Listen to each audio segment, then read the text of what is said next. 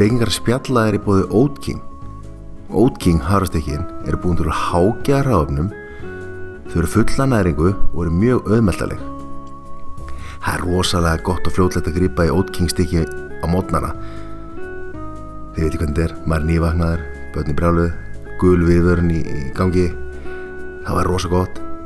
Drífa börnum út í bíl, rífa með sér Oat King stikki bara keira inn í, í daginn og svo að sjálfsögða að nota inn í, í millimál.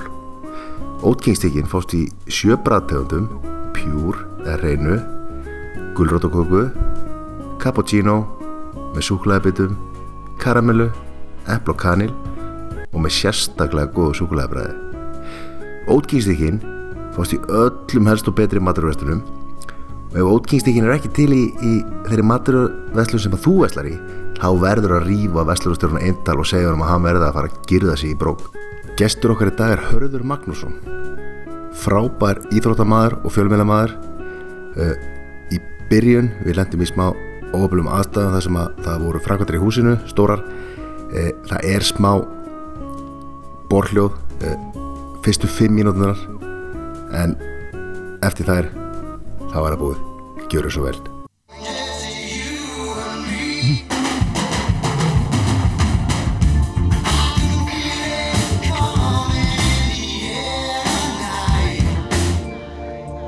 Þú voru að segja okkur aðeins frá þessu hérna.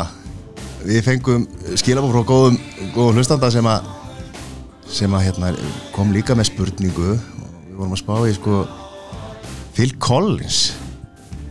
Uh, Hefur hann einhverjar tenginga til?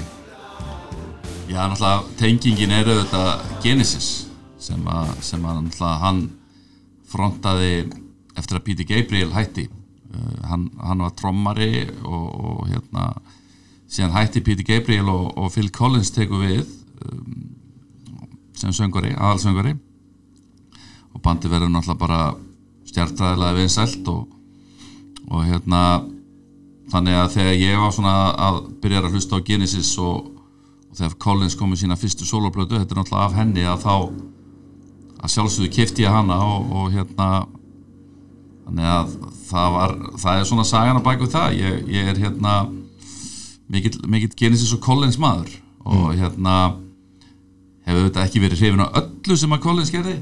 Uh, en, en hérna lang flestu sá hann á tónlengu fyrir tveimur árum fyrsta skipti í Echo Arena í Leopold. Og hérna það var mjög sérstænt að sjá kallinn því að hann stundist við staf satt allan tíman getur ekki tromma lengur vegna taugabilunar í, í, í hérna, ja, tauga endar í bakjunu og, og líka í, í hann er með hérna dofin í tveimu puttum þannig að hann hefur lendið í smá heilsuleysi kallinn. En hann getur ennþá sungið þetta lag og það er sonur hans 18 ára sem að, sem að hérna trommar eh, á þessum tónleika tónleika hérna túr sem að hann fór í núna og er búin að standa yfir í já, tvö ár, eitthvað svo leiðis og hérna uh, að því að ég sá Genesis sjálfur 2007 í, í hérna Old Trafford í Manchester og þá hafður ekki spilað saman uh, hérna í mjög langan tíma. Það er einhver mesta trúar upplöfun sem, sem að ég hef komist uh, í tæri við og hérna og síðan er þeir núna aftur að koma uh, tilkynntu það núna bara síðustu viku uh, hérna munu, munu túra um Breitland núna í lok þessa ás og mér tóst að fá tvo miða á það. En Það er er góð- spurning frá hérna hlustanda. Phil Collins er í vinið þinn og myndi hanga, da- hanga með þér daglega eða Liverpool myndi vinna deildina?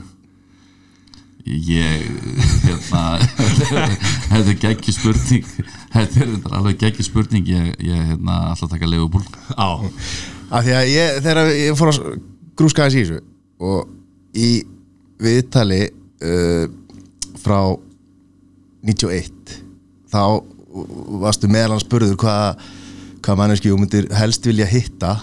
Og þá var nefnilega Phil Collins svarið.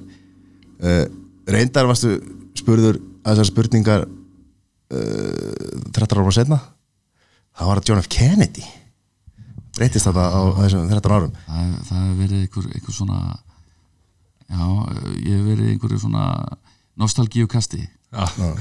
og þú nefnir einmitt sko áhuga mál íþróttir uh, og kvikmyndir og tónlist uh, ertu, ertu mikil svona hefur spilað á hljóðfæri? ég var píntur í að fara á, á hérna, blokkflötu.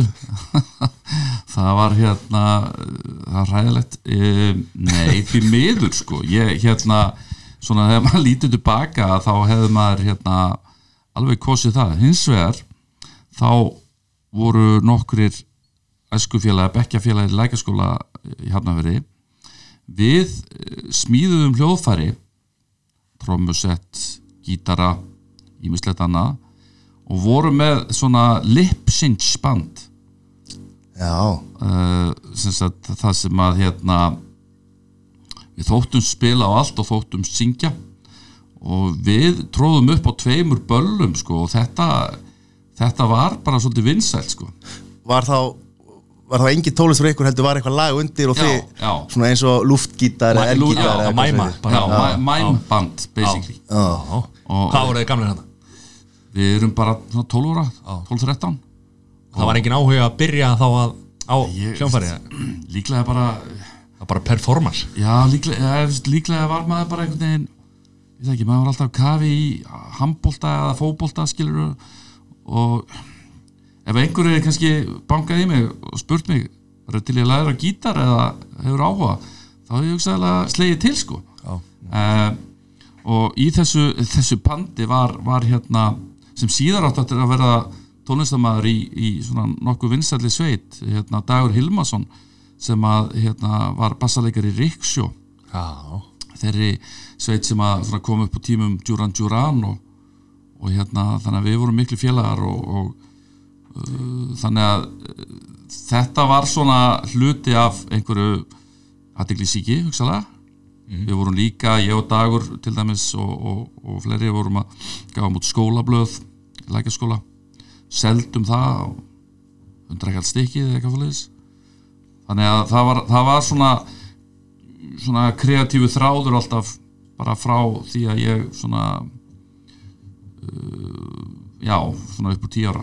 Þannig að bladamæðurinn hefur alltaf blundað í þér bara strax þarna. já, bæði blaðamæðurinn og, og já, svona að, að fara eitthvað út fyrir kassan En er ekki munurinn á hérna set, set tónlistamanni og tónlista áhuga manni að klára blokkflötuna og, og komast í gegnum það og í, ég meina, byrja ekki, það það byrja er það prófað að spila blokklut Nei, það, ég það er, eitthvað ekkert tíma það það er er bara hljóðið í henni sko. Já, Nei, ég meina st- ég, ég skildi ekki sko. Ég, hérna, sjálfsögðu hefði maður átt að, að prófa þetta eitthvað sko en, en hérna, gerði það ekki.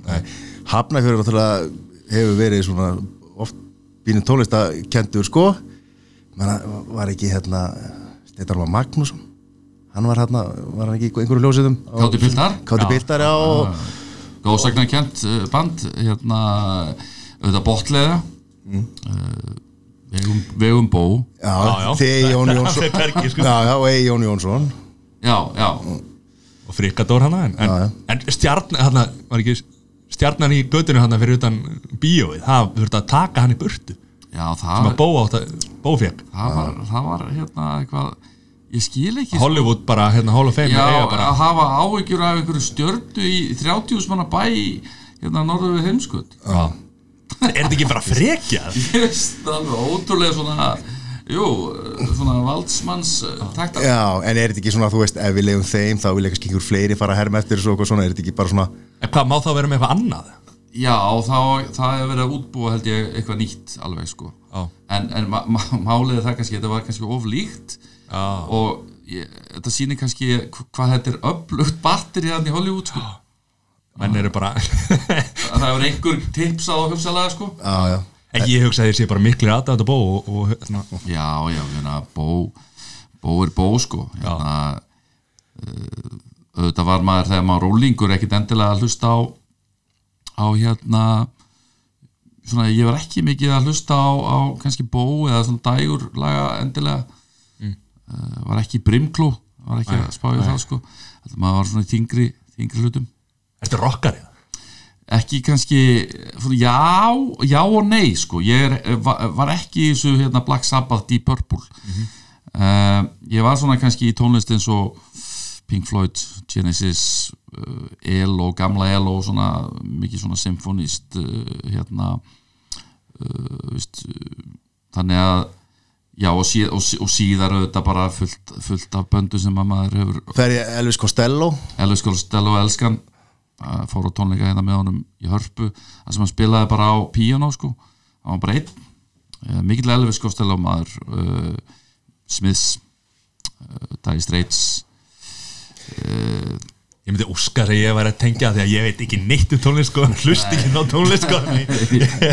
En hva, hvað ert að hlusta á í dag? Hvað, hérna, þú veist, þú hlusta vantarlega á, eld, svona, á eldra efni en, svona, en hvað ef þú ætlar að setja svona þessum nýrri tónlistamönnum? ég, ég, er, ég er svolítið að hlusta á Tame Impala var, þau voru komið með nýja plötu það er svona svolítið uh, já, það er svolítið svona úr, úr, úr hérna, ég veit ekki hvernig ég útskýra tónlistina hans en, en hún er mjög skemmtileg og er svolítið svona sækadelíuleg uh, góður rithmi henni og, og síðan hérna War on Drugs bandið, bandaríska. Uh, ég er mikið bara ofta grúska á Spotify sko. Og hérna en ég sæki mikið í svona gamla gamla tónlist sem að maður er jáfnvel að aukvita aftur. Ég, allt í henni fór ég að hlusta á Bob Dylan mikið Eh, hafði ekki mikið gefið honum gaum þóttu ótrúlegt séð því einhvern veginn mér fannst veit ekki, ekki alveg að minni kynnslóð og einhvern veginn en svo, svo fór ég að hlusta á nokkra plötur með honum og ég var alveg bara húgt uh, þóttu ótrúlegt með verðast þá var mér bent á fyrir svona 15 árum á Beach Boys Beach Boys, come on sko. Boyband. eitthvað. Svo, þá fá maður að kynna sér sögu Brian Wilson uh, Beach Boys. Ég, ég hef rosalega gaman að sko, ekki bara tónlistinni heldur hvað er á bakvið Söguna og söguna, hvað eru menn að gangi, gegnum? Hvað, hvað, hvað er svona já, um, það er að setja þetta í eitthvað samingi og, og hérna þannig að ég uh, Billy Joel uh, The Boss, Bruce Springsteen. Það er að fara að nefna hann stjóranum. Ég hérna sko og þa það er kannski eins með, með Springsteen að, að hérna byrja að geta hlusta almennilega á hann fyrir svona fyrir 10-12 ár síðan. Þetta vissi á honum og allt það. En ekki, ég var í einhvern veginn meira í breska rockinu sko. Hérna veist, það er mjög uh, langt á milli veist, Smiths og Bruce Springsteen en samt sem áður ofta, ofta tíðum við verið að fjalla um ákveðan hluti sem að sem er ekkit ósvipaðir þeirra sín á kannski sömu hlutunum já, en bara svo- svolítið öðruvísi tónlist Já. og, og, en samt sem áður svona þannig að ég bara fúslega viðkynna það sumt sem að, sem að hérna, fór fram með mér á sín tíma sem að ég reyndi að bæta upp síðar sko. og, og meiri segja að, að hérna, ég er búin að fara núna í svona pílegrinsferðir má segja, ég fór og sjá Billy Joel í Madison Square Garden fyrir fjórum ára síðan.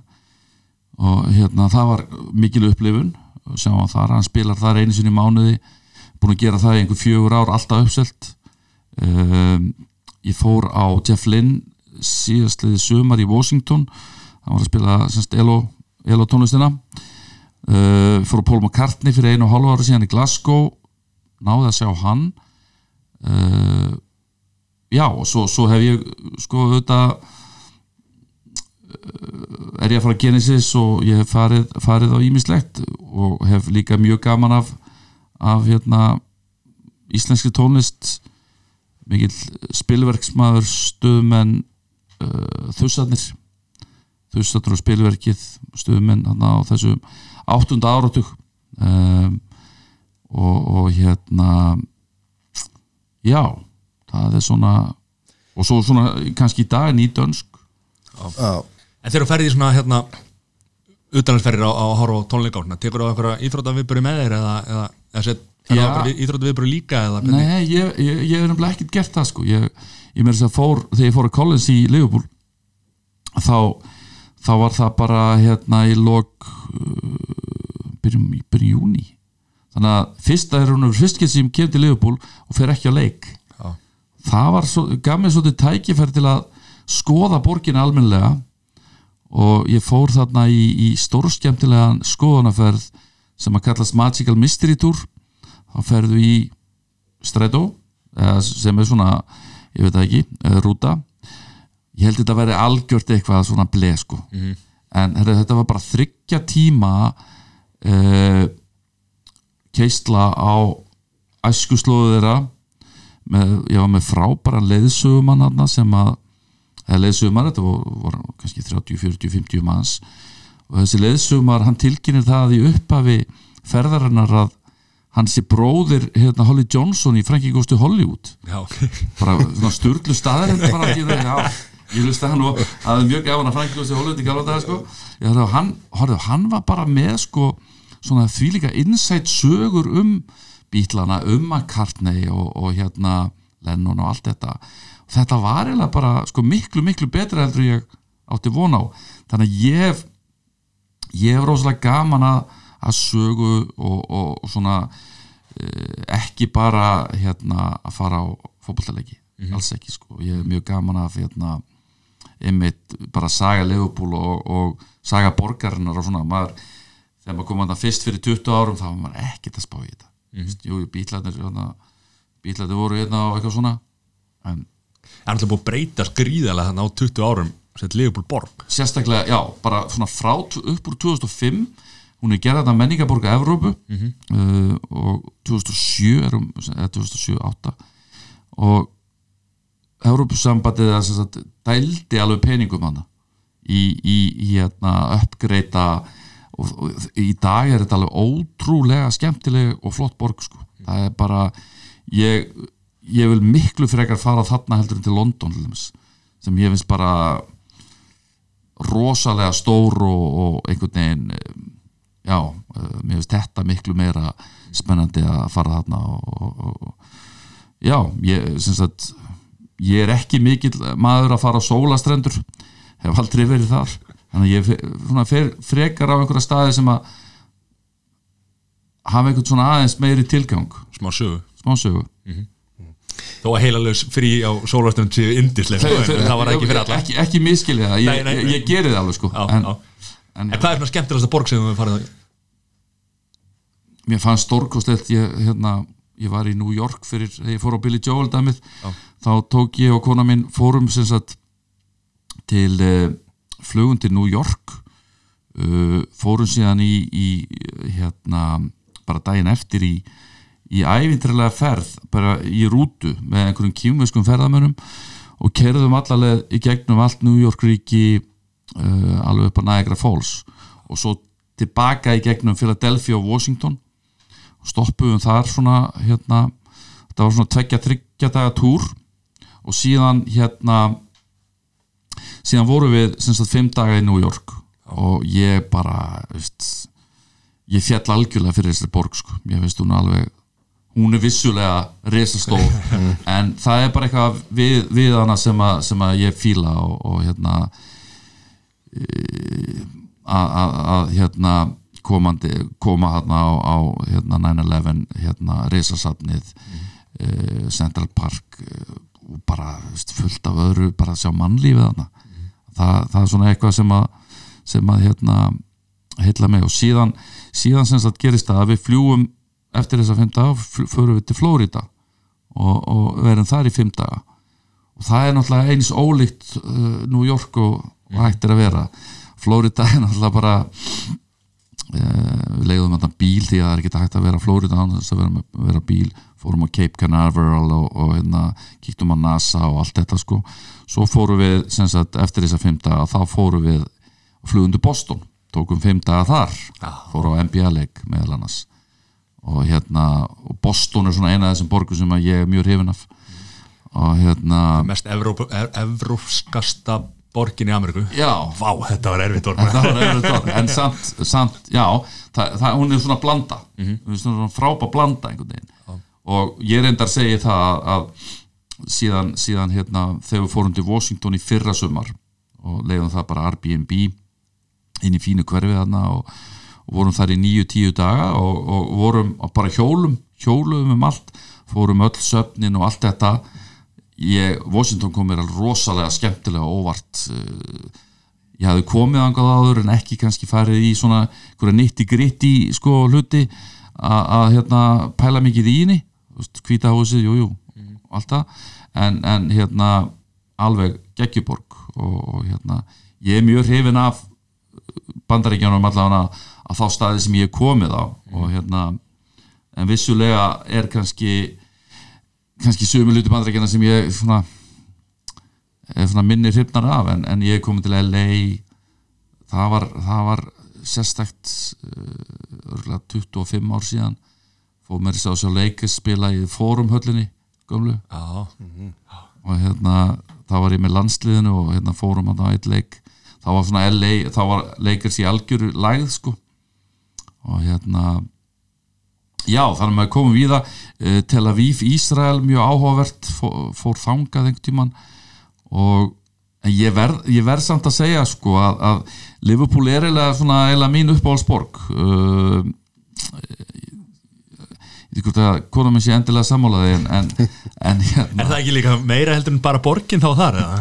já, Væntalega eitthvað eitthva lið þarna sem að það, það, það, það spilar inn í en, en hitt verður að fylgja með en, en hérna, en eins og þessa- þessar borgir hérna uh, New York uh, ég myndi, veist, ég væri til í að fara aftur bara sem fyrst ángað En þegar fólk er að tala um sko að bandaríkin séu þú veist, þegar, þegar setur bandaríkin allt saman í eitt graut sko, það er náttúrulega bara eins og setja Evrópi bara allt, alla saman sko. algjörlega Þú veist, það er fólk að "Ó, það er ekki dægt að vera í Ameríku þetta er alveg ömulegt fólk að það bara, herri Þú veist, þetta er bara þvílíku munur á nokkru borgum sem að, eins og þú hefur farið í sko. þetta, er- þetta er bara algjör melting pot Já. og hérna uh, veist, ég get sagt ykkur hérna það var eh, árið 1900 hvenær var það, 1989 1990 þá er sem sagt þá er sem sagt þannig að við erum FA er að fara í keppnisverð uh, og við erum að fara allalega til Cayman Islands sem er skattaparadís. Uh, og sem sagt við fljúum eigum að fljúa náttúrulega frá Keflavík bara Keflavík, New York, Florida og Florida Cayman. Nokkrum dögum áður en við förum þessa episku ferð þá er uh, bandarins flugfélag sem við áttum pantað uh, meða hjá, áttum að fljúa með það fyrir að hausinn. Fyrir að fyrir bara á hausinn og leggur upp laupana og, og þá spytur við hvað á að gera? Við erum, með, við erum búin að kaupa Keflavík, New York uh, Miami Cayman en þá vantar hann að risa legg hann að milli, Hva, hvað á að gera? Ef við að hætta viðferðina? Nei, þá var það ákveðið þá var það einfallega ákveðið að leia Greyhound bus.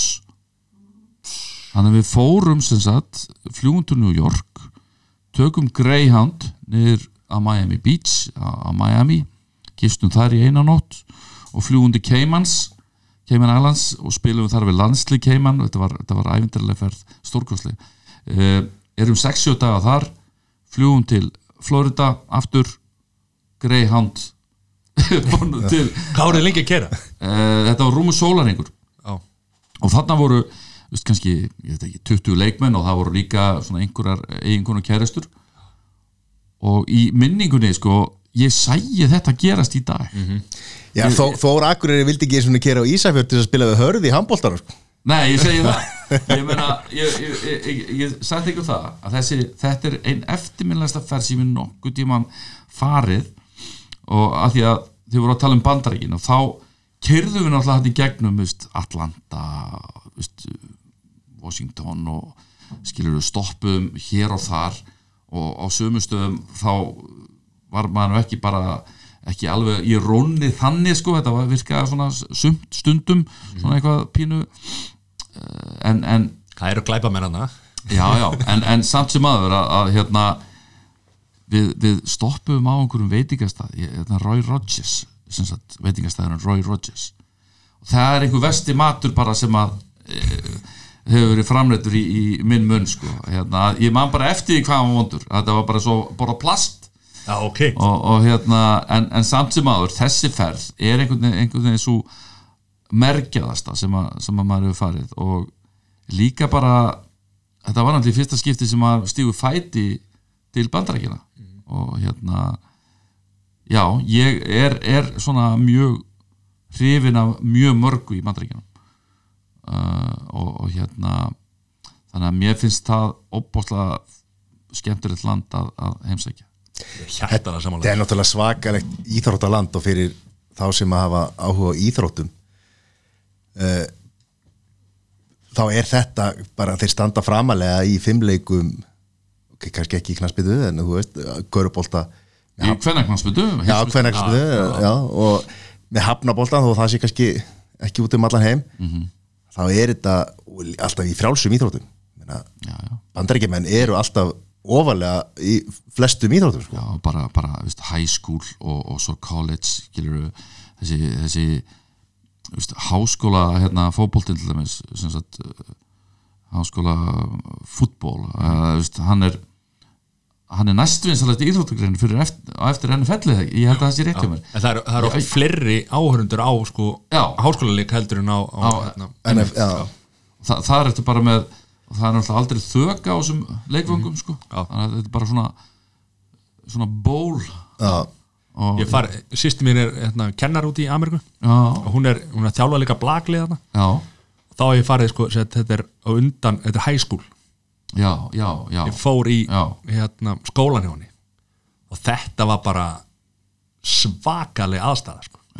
og þá er það bæði Hvar- sko, hvar er þetta? Þetta er í, í, í já. og, hérna, og þar er bara liftingasalir og, og, og dótan, það er glímulið og það er allar íþróttir já.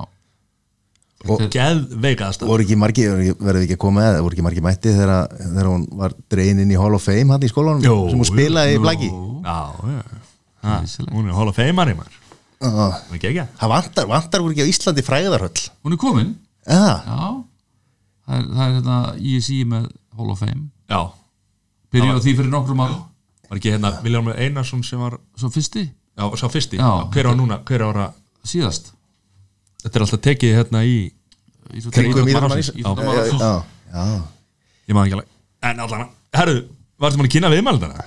Nei, ég held að það vita allir, eh, vita allir. ég var að hugsa það ekki. Byrjuð svo snart. Við fórum bara beint í tónlistmaður og hérna, hvað er hérna íþróttaferillin þinn? Hvað er hérna, hvernig byrjaru á íþróttum og, og hérna, þetta er allt í FH, já, er það ekki? hörðu Magnússon heit ég það stendur líki í, hérna, á nafnin á þettinum og svo náttúrulega heyra allir að Hörður Magnússon er- komin hér til okkar. Já, íþjóttaferillin hann hefst bara í í krigarum og kannski 5 ára, 5-6 ára. Ég flytt sko ég flytt mjög nálátt vellinum hann á, á sem sagt, elst upp í raun og veru já, bara einhverjum 500 3, 500 metru frá. Já, ok.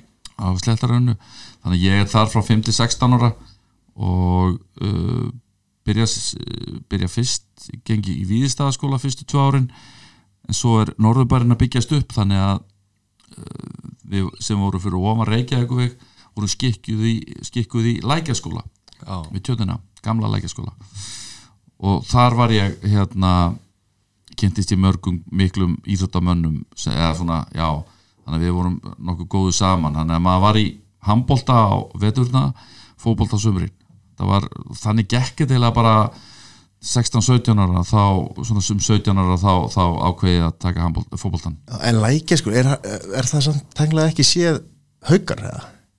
Nei, Hvar skiptist? Nei, sko Haukarnir áttu náttúrulega hvergi heima. Uh, almennilega þeir, syns, haukarnir voru meira holtið sko. Holtið í hafnaveri uh, hérna, þar var náttúrulega bæjarvöllurinn sem að síðar var svona þeirra víi sko. Uh, meðan kapplagningi var að byggjast upp auðvitað hérna en það er ekki fyrir bara þeir, þeir eru bara búin að vera 20 ára ásöldum sko, haukarnir. Þannig að já, svona kannski einhver leiti fyrir ofan læk en, en samt, samt svona meira á holtinu og, og þar. Var einhver, var einhver rígur á þetta milli? já, já, hann er, hann er ennþá sko. Já, ég er að segja það, þetta hefur verið náttúrulega alla tíð. Að, já, ég algjörlega sko. Ég, hérna, pappi var náttúrulega markmaður í handbóltanum í FH það er styrtu staðrend já, ok. Oft, oft tíðum svona annar eða varamarkmaður og, og var náttúrulega í, í svona náði þarna í ákveði gullaldalið hjá FH í handbóltanum því að FH var náttúrulega fyrst og fremst uh, handbóltafélag sko.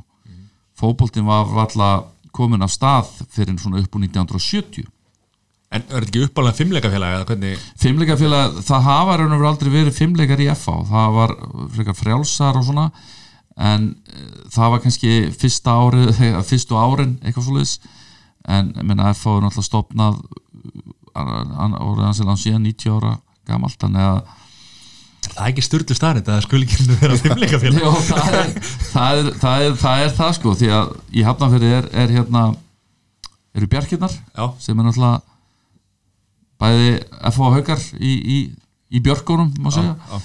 þannig að hérna jú ég veist Það er skrítið þetta er, þetta er, mjög, er mjög skrítið sko og það er nú st- stundum sko að F-fáingar nei að, kannski svona að fara eitthvað í pyrirtunum á okkur að kalla okkur fimmleika félag Já. það er það alls ekki sko. Nei, nei. það er eitthvað miskilingur Já, já, ég finnst það bara ekki ekki sko.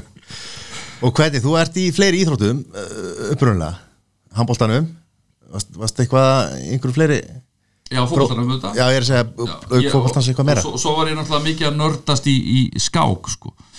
Sem, að, sem að var sem að var hérna ég er hún það gamall að ég ná, ná, náði að fara í laugatasöllina og sjá Bobby Fischer og, og Spassky tefla sko. Hver eru það? Nei, við hvaða menn er ég að tala hérna? það er ekki það- Er það ástæðan fyrir hérna gríðalegum mark hérna hvað segir maður, markgáum eða sem sagt, auga fyrir markinu.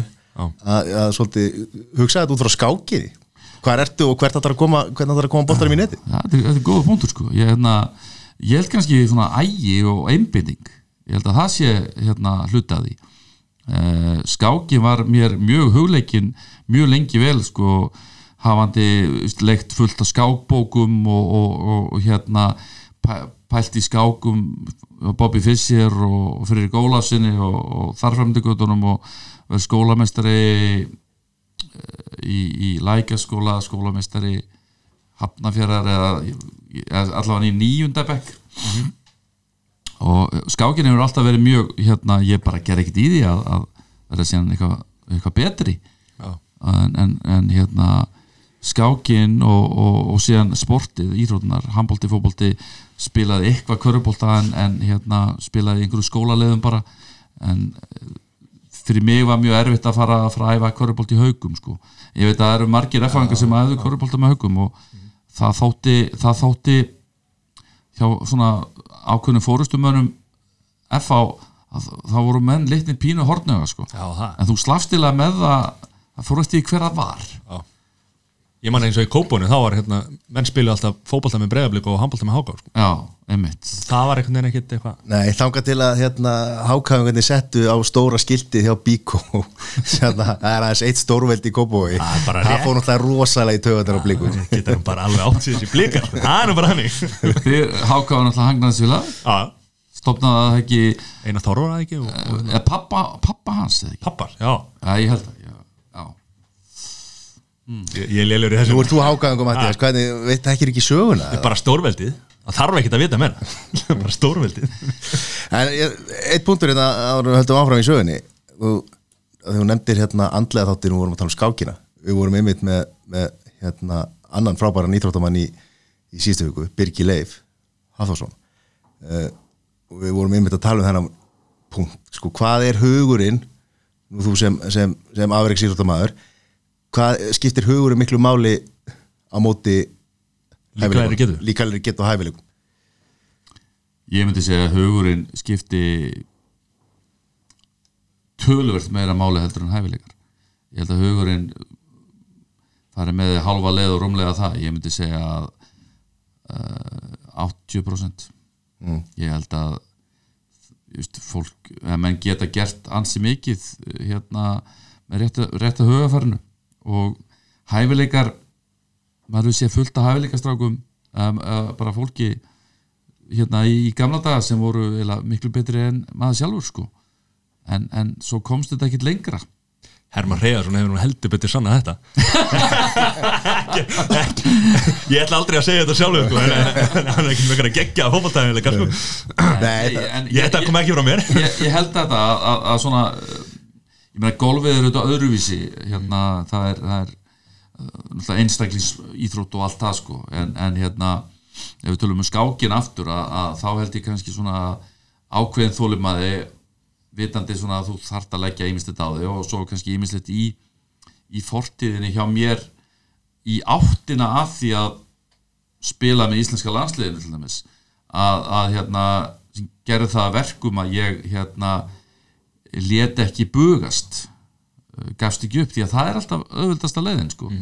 Að bara það, það var allavega tel ég að mitt hugafar svona hafi fleitt mér eins langt og, og, og hérna ég komst.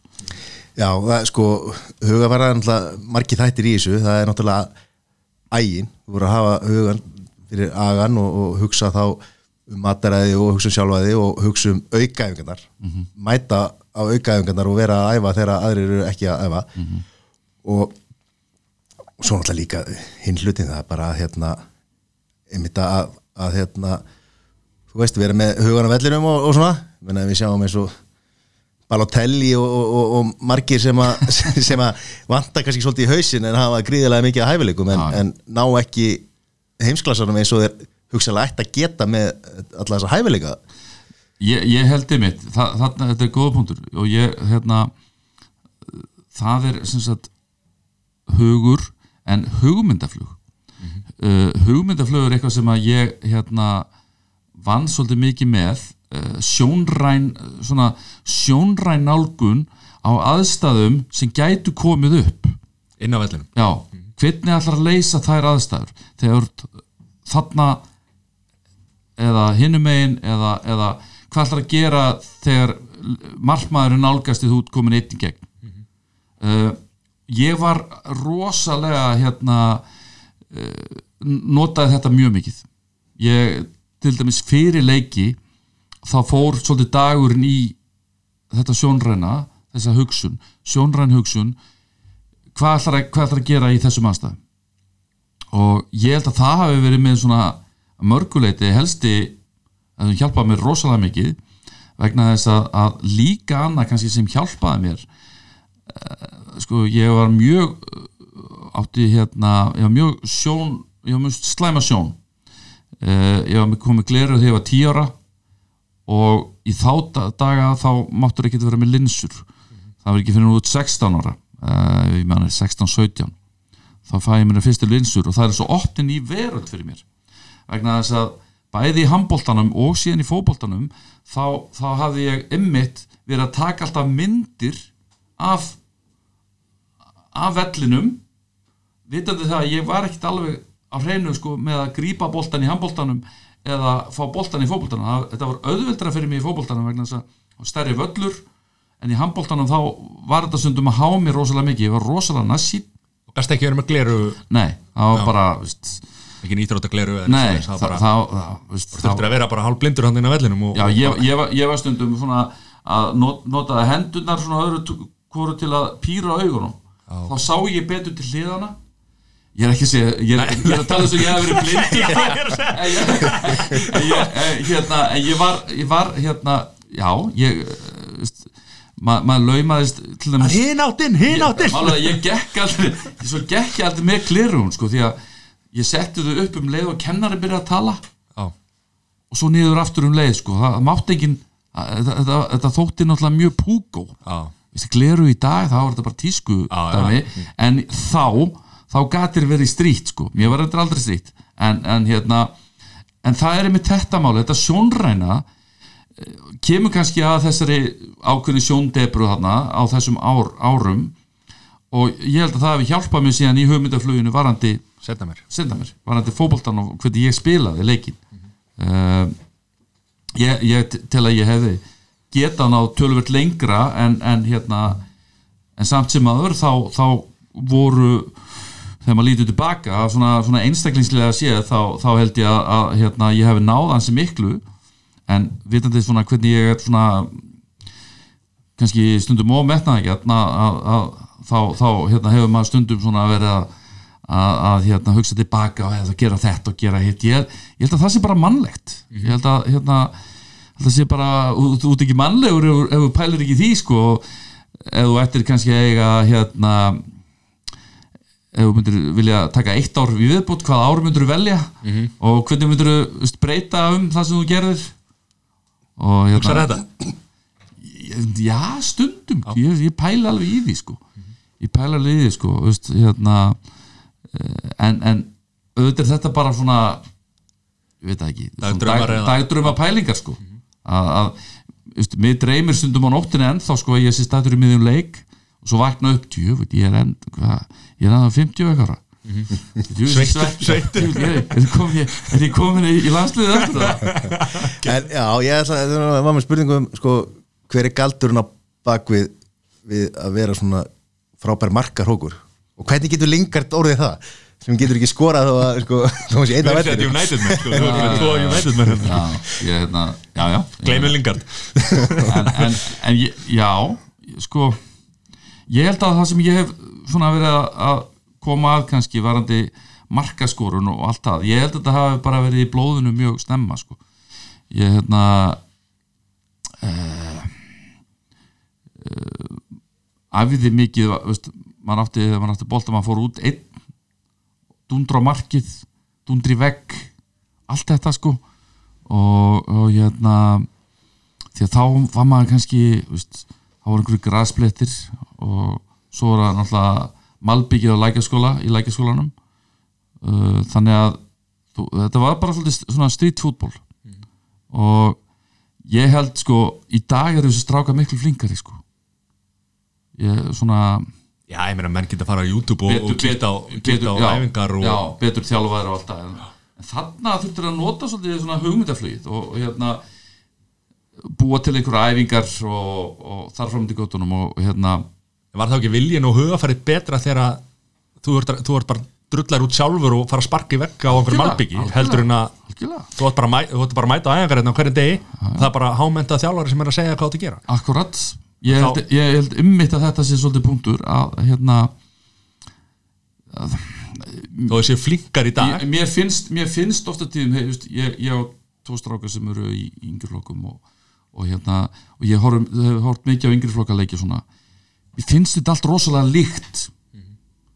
Og maður heyri stundum sko hjá einhverju fóruldrum ef að einhver fer allt í hennu að fara út úr þessu kerfi og fara að gera eitthvað svona eitthvað öðruvísi. að þá er hann skammaður eða, eða þá er það ekki vel séð.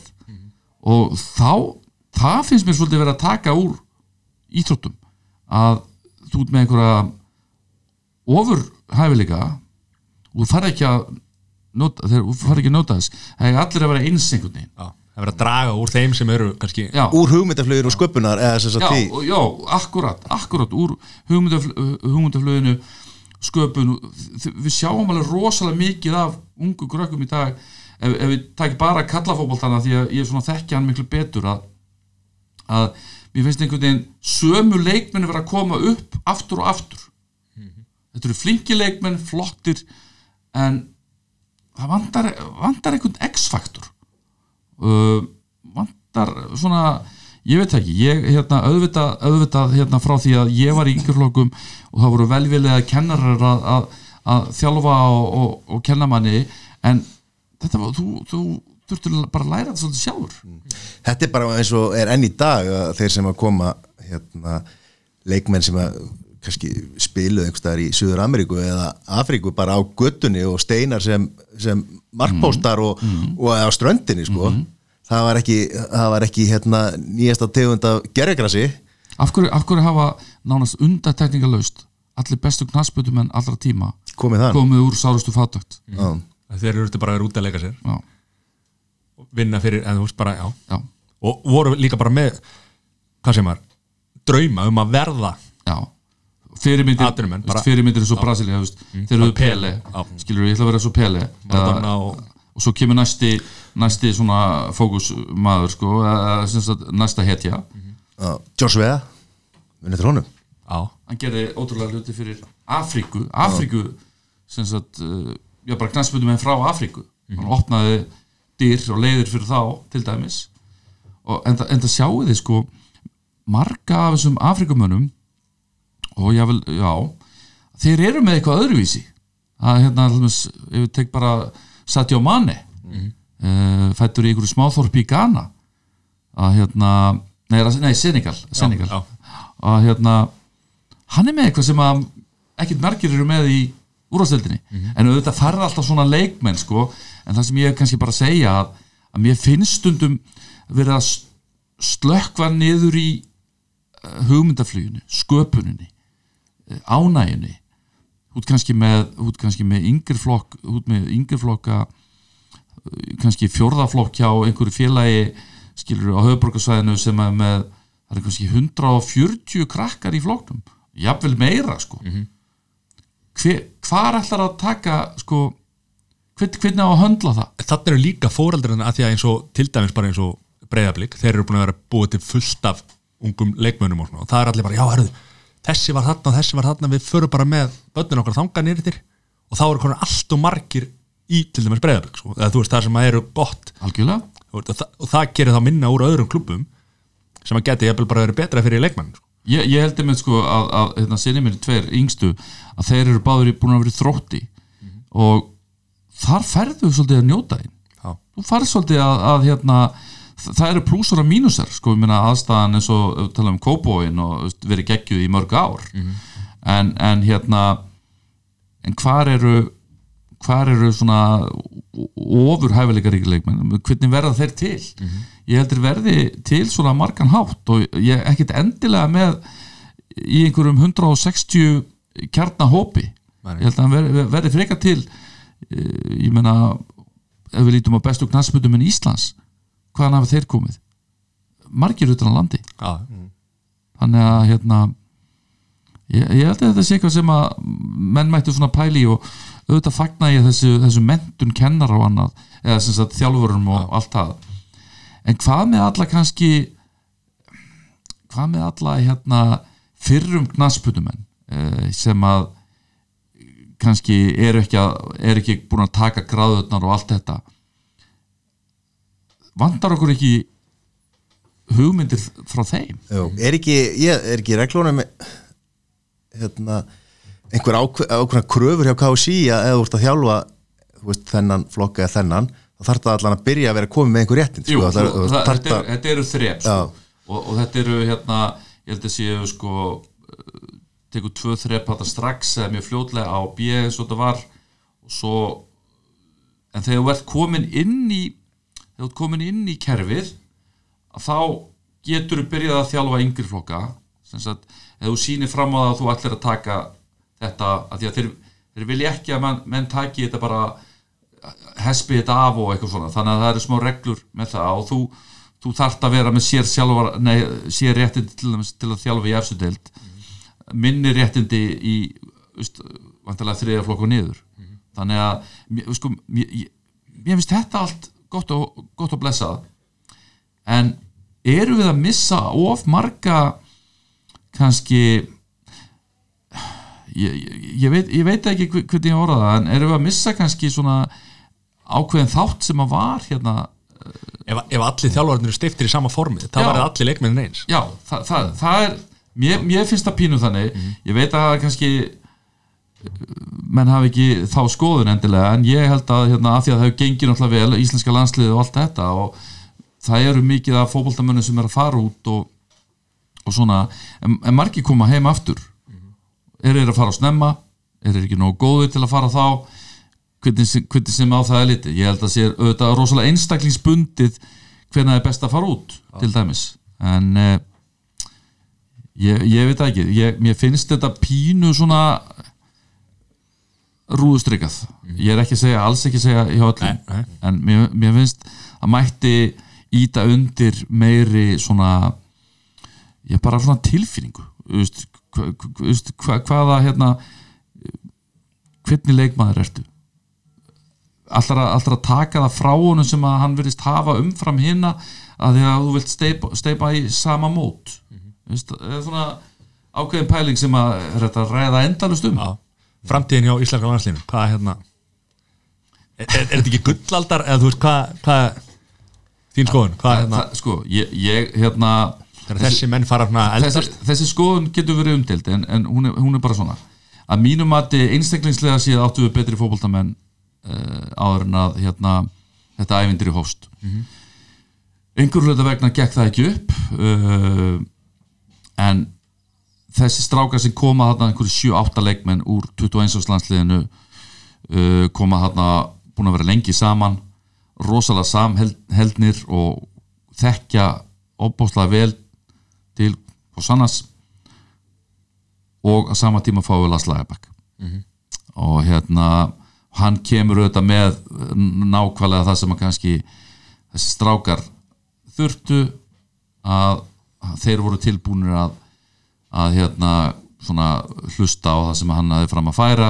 Einfalda leikin, ekki drosalega flókin uh, auðvitað getur ekkit haldið auðvitað þeir ekkit forever young sko. Þannig að það, þú séð svona smá það, það, það þurfa aðrir að fara að taka við. Það, þó að það sé ekki alveg komið að því en, en svona það fyrir að nálgast. En það er held ég um langt í næsta svona, ég held að þessi tölvöld langt í næsta gullaldalið við getum orðað þannig. Eru menn núna ekkit það er ekki svona hópur sett margir sami, ég meina það er undir 21 árs lið, eru náttúrulega allt strákar sem eru undir 21 árs og eru, þú veist það að er, það er alveg, það er auðvitað mýgrútur af óbáslega efnilegum knaspundumöðunum sem við eigum sko, í, í flestöllum aldurslokum það er ekki spurning hérna, hvernig við höldum á því er, er, verður bara komið ljós. En svona og bara ósér hlýpni og, og hérna dugnaður uh, og allir að, að stefna í sömu átt og hóp, svona hópsálin er mjög sterk það er það sem að þessi strákar að mínum mati Gilvi og fleiri og allir þeir að hérna, það sem þeir hafa fram yfir eh, eldri kynsluðunar mm -hmm. að því að ef, ef þú fer að taka út leikmenn sem við vorum bara að spila hérna 2000 og upp á 2000 ég meina ef, ef, ef maður lítur yfir leikmennina og lítur yfir liðin sem við voru að spila fyrir og svo lítur á leikmennin í dag já, já. en þá, þá er þetta, þá er þetta hérna, magnað sko. Þannig að ég, það er, er plúsur að mínus ég, ég held að við, við vorum einu sinni að tvisa mjög nálægt í að komast uh, áfram sko. Með, með hérna uh, með hérna íslenska landsliði en, en það tókst loksins og ísinn var brotin með, með, með þessu kem, komu auðvitað meiri væntingar og, og veist, nú sætta sem við valla við það að við fari ekki storm út í fótbolta. Já, sem er rosa sko. Þa- þannig að það er, það er auðvitað allir gangur sko. Ég, hérna, Ef að fá spá fyrir Rúmeníu? Úslit ég, tómur lögðsöldur Já, verður nú tómur eða? ég held að stefni í það sko. Já, ekki því miður sko. því sko. Uh, ekki nema að vera áraði með að vera bara í öðru hverju hólfi nei, öðru hverju se- já. öðru hverju seti. Nei, ég veit það ekki. Hérna, just, ég get ekki verið þekktu fyrir annan að spá hérna, sigri, sigri hérna okkar. En, en ég er ekki, ég myndi segja 50-50 ef við förum á EM. Gilvi búin að vera kaldur núna í vetur hann hittnar alltaf með landsliðinu maður. Gerir það nú sko. Gerir það nú. þeir hittna eiginlega allir saman einhvern veginn. Það, það, þeir eru einhvern veginn já, þeir eru einhvern veginn bara sniðnir fyrir hvort annan Já, Kolbeinn einhvern veginn alltaf meittur og ánliðs og þegar hann var að spila líka sko en svo Já. var hann heitur hjá okkur Aron Einar aldrei heil nema nema okkur en spila að gegja lengi sko.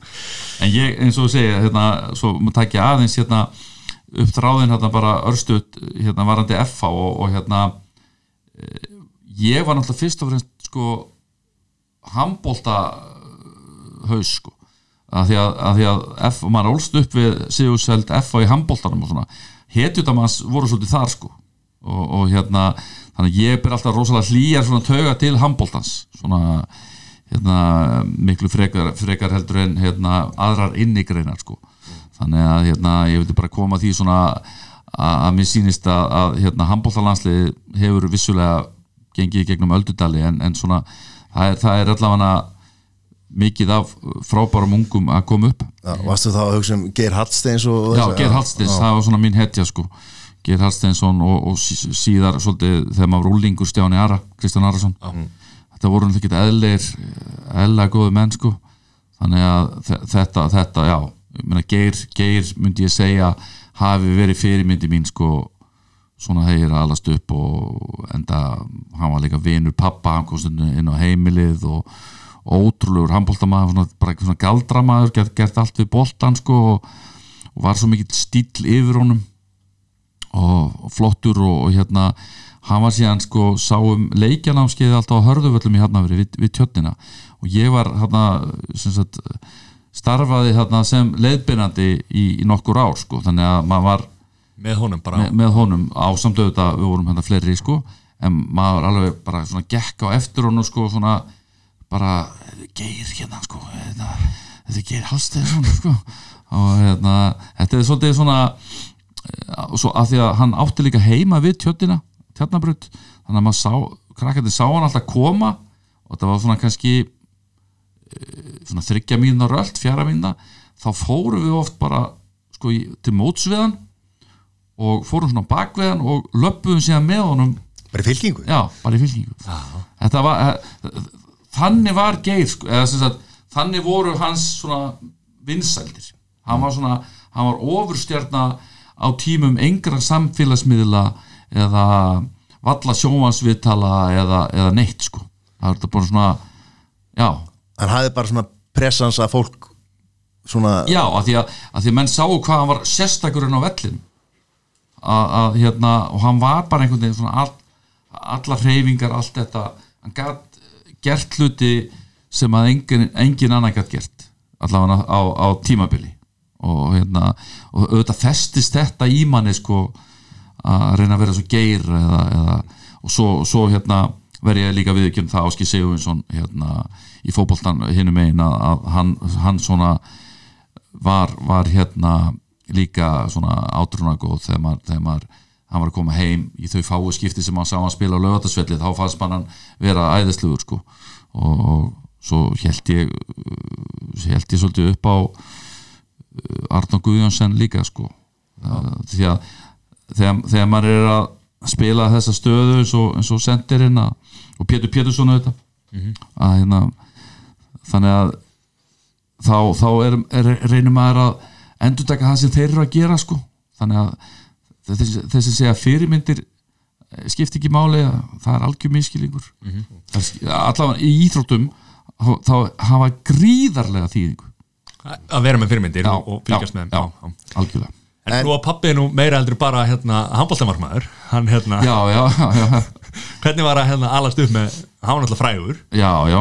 Skemmti kraftur Já, já, veist, hann, hann já, já, s- sumt var sumt var skemmtilegt og annað ekki. Meina, það, það var alveg, þegar ég var að koma, koma upp í fótboltanum á sín tíma, þá, þá var alveg pínu ég man ekkert um að mark sem ég skoraði í, í lilla byggarnum sem var svona undirbúnisumótið svo reykjaðegumótið eitthvað svona Sónu Bjössa Bollu skoraði segumarkið og það var, það var minn maður ekkert sérstaklega ánað með það ringdi í blaðið og sagði, heru, ekki, ekkert svona sko. Já. þannig að, það, var- það var það var pappi, ringdi pappiðin í Já, pappi ringdi bara í, í, í blæði sko. en sko ég meina pappi var alltaf stór og mikill sko, og var að í kvikmyndum hann líka og, og, og hérna mætti alltaf í kappakrika og horfði á, á leikina og var þetta fyrirfyrir mikill og svona og hérna ég meina oftast var þetta bara veist, gaman eh, hérna hins vegar auðvitað þegar maður var kannski að fara á, á einhver erfiða útivelli og svona þá, þá auðvitað þá fekk maður stundum svona að heyra eitthvað, bjósi bóla og allt þetta sko. Ég held samt að það er nú kannski meira verið vegna þess að, að maður var að, að gera, gera anstæðingu lífi leitt sko eða skora, skora nokkuð mörg. Og svona allt, allt fundi til að reyna að ná fólki úr jafnvægi. Já og, og hérna og það, það sem margt það sem maður heyrði þá í gamla daga sko. Og svo, svo hefur stundu verið að kvarta hefur ykkur núna það sem var gerast þetta í den sko það var það er barnalegur sem er að gerast í dag. En hann ég veit, var, það var náttúrulega verið að rifja upp uh, svona uh, samfélag með Raka Bjarna mm. menna hann, hann var mikil og með, var eitt stærsti pappi, en eitt stærsti skemmtikraftur bara á, á, átti sko, langur ferill. Var ekkit svona var eitthvað, eh, þú veist fara í búðin og svona. Fannst þér eitthvað svona skrítið að alast upp svona með svona frægan einstakling Sko, sem föður í, í, í raun og veru er þetta, svolítið þannig að, að hérna, um, pappir alltaf vann rosalega mikið. Það var hérna hann var kannski, hann var alltaf í, í vinnu hann var alltaf í einhverju tvöfaldri vinnu. Uh, öll sumurinn voru þetta sumagliðin alveg tíu sumur í röð eða hvað það var. Uh, þannig að hérna það var kannski meiri yfir veturi sem var með var með okkur sko. Meina, hann fór, fór oft að leiki með manni og svona sko en, og í bíó og svona. En maður var náttúrulega meira með mömmu sko. Þetta var náttúrulega bara þetta var náttúrulega bara þannig samfélag. Mm. sko ég, já, það er það er auðvitað bara hann þekkir náttúrulega ekki annar sko Nei, það, það, það, er, það, er það er svolítið þannig sko. Ég, ég held að hérna pappi er nú ekki verið þekktur fyrir það í gegn tíðin að fara mikið í búðir? Eh, eða vestli matið? Uh, hérna það er ekki alveg hans deild. Hann, hann sjálfur svona er, er getur verið svona uh, haldið sér tilbaka. Þó hann hafi síðan uh, sprungið út á, á sviðinu sko, um Bjössi Bolla og, og hérna karakter sem að mjög vinsall og leikið í ótal kvikmyndum og, og hérna þetta skemmt með sumagliðinni og leikið í Jólasvein og allt þetta kannski tók maður þessu bara já, kannski sem sjálfsögum hlut vegna þess að maður þekkti kannski ekki annað. En ég man alveg þetta eftir pappa náttúrulega bara svona fyrst þegar hann var í markinu í FH og hérna var náttúrulega tölur skap mikill og svona það maður stundum svona svolítið lítill í sér en, en hérna á, á vellinum sko en, en hérna síðan verður hann bara smátt og smátt svona já, vinsælli og vinsælli eða, eða ha- hafði mikið að gera en sem betur fer voru bara ekki samfélagsmiðlar og neitt þá sko, þetta var allt, allt öðruvísi. Ég var nú bara að spyrja því að hérna, tengdafæða mín er uh, svona rækja bjarna þannig að ég var svona Já. spá í þessu í, í, í svona því að alast upp með svona, einmitt, svona föður sem er í auðvitað er að því að á þessum tíma engi samfélagsmiðlar og þannig þannig að frækt fólk var náttúrulega þetta var allt öðruvísi og auðvitað Já. kannski áreiti minna en núna einhvern veginn með þessu samfélagsmiðla og, og svona þú veist svona mismörndi stjörn, já, meiri skotlínu auðvitað að koma staðir og Já, svona. já. en svona, þú veist, var fólk að var, þetta var bara svona spáið, þetta var ekkit vilja spurning. Nei, nei, þetta var bara geggjum spurning.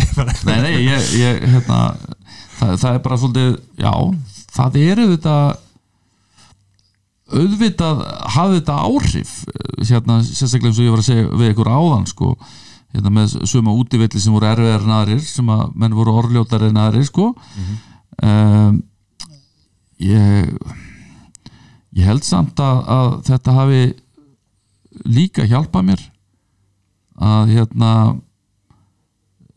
yfirleitt er það þannig ef að er svona hrópað einhver ókvæðisorð að þér sko að þú ert ákveðin í að sína þessu sama fólki hérna og svara fyrir þinn á vellinum. mm það er auðvitað ekki alltaf hægt en, en þetta var nú bara pappi var náttúrulega bara mjög stór á þessum tíma og eins og sé, yfir sumatíma þá voru náttúrulega bara sumagliðin og það verið hérna þeysast í kringum landið og, og hérna þannig að oft var ekkert mikil tími kannski til einhverja sumafría og svona svakalega sögunda sem ég heirt frá rakka við förum ekki til það. Það pappa einu en eini, það er ekki það, er, það er algjörlega hérna, já já ég meina veist, ég man að þetta eftir, eftir ímsu sko hérna ég hérna alltaf samt ekki að vera að segja hvenar hvenar ferðu í fótboltan segir skilið við handboltan Já, það er bara 17 ára sko. Ég, það, er alveg 17 ára í handbóltanum það voru bara fyrir að fyrsta, það var kannski ég var alveg ekki í handbólta spilaði veist, á miðunni og hjáttninni og eitthvað svona. Það voru bara alveg ógeðslega mikið að góðum leikmennum komu upp að það þannig að mér fannst einhvern veginn minn möguleiki miklu meiri í fótboltanum. Líka bara að sá leikur hentaði mig betur. Og en mér, veist það, það er einmitt það sem að er ok, pluss og mínus. Auðvitað fótbolti núna árin 12 mánuða sport. En það er fylgja því auðvitað ákveðnir, ákveðnir gallar. Eh, einn af þeim að mínum mati er að krakkar eru að hætta í greinum miklu fyrir heldur en gerðu. Staðan fyrir að, að hérna, núna eru bara kröfunar rótnar þannig í fótboltanum að þetta er allt árið. Og það er ekkit vel séð að, að hérna, þú sért í öðrum íþróttagreinum. Mér finnst þetta svolítið sinn sko. Að hérna því að ég held að margar greinar geti, geti hjálpa hvort annari þannig að ég vil hvetja fóruldra og, og já, að, að hérna reyna að halda eða batnið þetta í fleiri, netning reyn halda því eins lengi og mögulegt er bara ef það er hægt fjárvarslega á allt það. En það er mjög erfitt, ég hérna, glýmdi við þetta í, þjálfaði yngri flokka í tíu ár og, og hérna, þessi samkeppni sérstaklega þegar fótboltinn þegar, þegar ég var yngri þá var þetta bara var handbolti á, á veturna og, og, og fótbolti á sumrin og svona. Eh, svo gerist það náttúrulega bara að, að þetta verður tólmána sport með öll húsinn koma og það er hægt að æfa allan veturinn á þess að þurfa að fara upp í reyðhöll og þá eru móta á veturna og svona, það er mikil samkeppni í fótboltanum sko, ef að þú ert að sleppa æfingu eða, eða uh, handboltamóti þetta velja fótboltana því að þú veist kannski meiri samkynning, það eru fleiri í fótbolta og erfæra samkynninga, en þetta er einmitt og þegar í sínum tíma var alltaf verið að reyna að samræma þetta Já. en það var erfitt, en mér erst að sinn mér erst uh, bara eins og, Ar fær- fær eins og Aron Einar. Hérna, en þá að, að, að hérna, með þann draug kannski að enda í handbolta. Já, og það er líka ekki leið á handbóltanum eða fótbóltanum ef maður skiptir, sko, veist, meina það getur komið þannig upp eða að spila bara. algjörlega, ég til dæmis var hérna, ég virkilega snöggur í hraðaöflupum í handbólta hérna, ég er ekki að segja ég hef verið Guðjón Valur, en, en alls ekki fljótari. Fljótari, en, hérna, en það ymmit kom svolítið úr fótbóltanum Já. að hérna, það hefði verið geggjað að vera með linsu líka það sé bóttan það er hérna, reyna að, að það ljósið fyrir. Já, að, að hérna en, en já, já, það, það, er, það er auðvitað það þýðir það hefur bara margt svo breyst hérna, að gera það hins vegar að verkum að mörgu leiti að við munum sjá kannski þessar innigreinar eh, handbólti korfbólta, ég meina yfkendafjöldin hefur minkað hann hefur minkað kannski of, of mikið. Þannig að, að vissulega erum við enn að búa til góða handbóltamenn og sérstaklega mitt félag eins og höfum búið til að vera bara svona ofur, ofur stjórnur hérna bara í gegnum kynnslóðunar við, við getum farið í gegnum Kristján, nei hérna Geir Hallsteins, Kristján Ara Aron Pálmarsson, Logi Geisson uh, Gísli Þorki sem er núna og, og margir fleiri í millitíðinni en það er þetta minga möguleikandar eftir því sem að að fækkar í yrkenda, yrkenda hópunum og, og þú ert bara að fara í, í fótboltan þannig að hérna þannig að þetta er, þetta er svona fyrir að, aðra greinar geti verið er, er svolítið svona fótboltin er svolítið þrúandi yfir öllu. Og hérna það menn verða, menn verða að gæta sín að, að hérna við sem ekki að missa Já, draumurinn að, náttúrulega, draumurinn að spila Anfield er náttúrulega mjög sterkur fyrir, fyrir sko, 12 ára, Já. 12 ára í, hérna, knaspinu yfkendur hvernig kom Liverpool í, í, í lífið þitt? Liverpool. Það hefur komið bara upp úr ég veit ekki 6-7 ára pappi, pappi fór á Káur Liverpool lögsöldi, já, sá þann leik og púlar eftir það. Ekki káin ykkur hann var þróttari sko. En, en hérna nei, nei, það, þetta voru hans hann, hann fyrst hann fór á leikina þá var ekkert eftir snúið með það. Ég man það samt sem áður í herbygginu mínu, það átti ég það var einhver sem gaf mér svona Arsenal flagg. Svona sem ég get, mér fannst það ógeðslega flott vegna þess að það var fallbis á því. Já, Gunners. Og hérna ég var alveg með Arsenal fána þarna svona uh, veist, uh, og svo eitthvað Liverpool en það, það er það er allavega eitthvað kannski einhverju mánur eitthvað ár sem að ég hérna hafði líka hlýja töga til Arsenal bara út af fánanum og, og hérna fallbisunni mér var það eitthvað töff. Þeir voru, voru betri á tímabili hérna fyrir, fyrir einhverju síðan sko. Já, já, já, heldur betur en, en veist, ég, ég meina maður hugsa bara hvað maður er búin að leggja á börni sín og allt þetta sko með, með þetta Liverpool dæmi. Að hérna, nú er þetta að hérna, loksins að, að, að koma svona einhver gullöld aftur. Já, við erum að fara í eðimörku göngu það, nei, nei, þetta er komið það er og það er. Nei, þeir eru alltaf búin að vera þeir eru á upplið já, En hvernig var að fara út af vellinum og stiga til hliðar og, og vera áhorfandi og, og, og um sem sagt fjölmiðlamæður Einmitt, það, var, það er mjög góð spurningi hérna, ég ætlaði að hætta ára 2000 árið 34 þá um sömarið fæ ég hérna, það segjum við niður á stöð 2 og, og hérna fer í pröfur og, og eftir eh, aðra pröfur þá er ég ráðum þangað 100% starf. Og þá voru við F-fangar að fara upp voru við með yfirbráðlið í, í hérna, B-dildinni og ég er að spila mitt besta tímanbíl örugglega svona í fimm ár eitthvað svoleiðis. og ákveði síðan að, að þetta verið síðasta árið mitt í, í hérna, fótboltanum uh, bara út af vinnunni. Þannig að nú tekur bara það við. En ég, síðan fórum við upp sko, þá var hérna þá var freystingin og mikil að ekki að klára eitt ári viðbútt í efstild.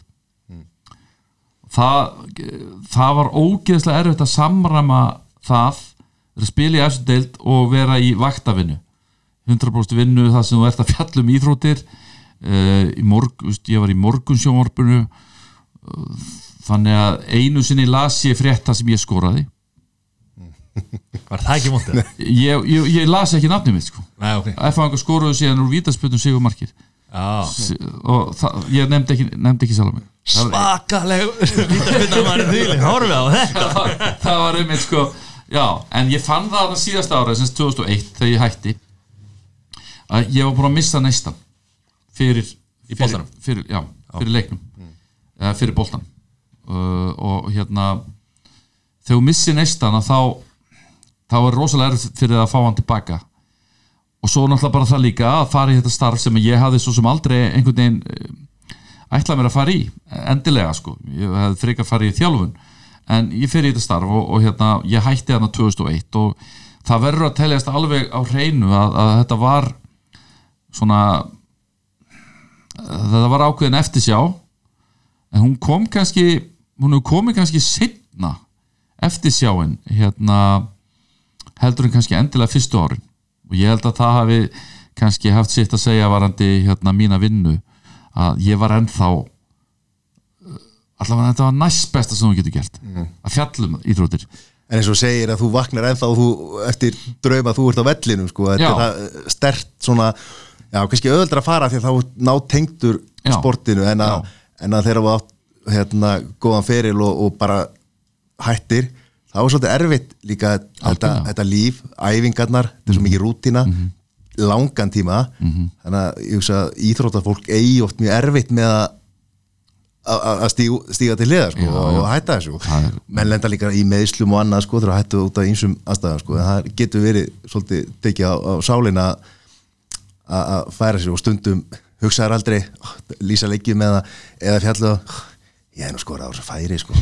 ég, ég, ég, ég er reyndar ekkit mikið þannig sko hérna, mér fannst bara ógeðslega gaman að koma inn í inn í boltan á þennan hátt hérna, fara að lýsa og hérna það var eitthvað sem að ég hafði ekki bara gert uh, fyrsta skipti sem ég lýsi einhverju það var eitthvað tímyndur þá er það í pröfunum sko Já. og hérna var eitthvað að æfa mig heima og svona.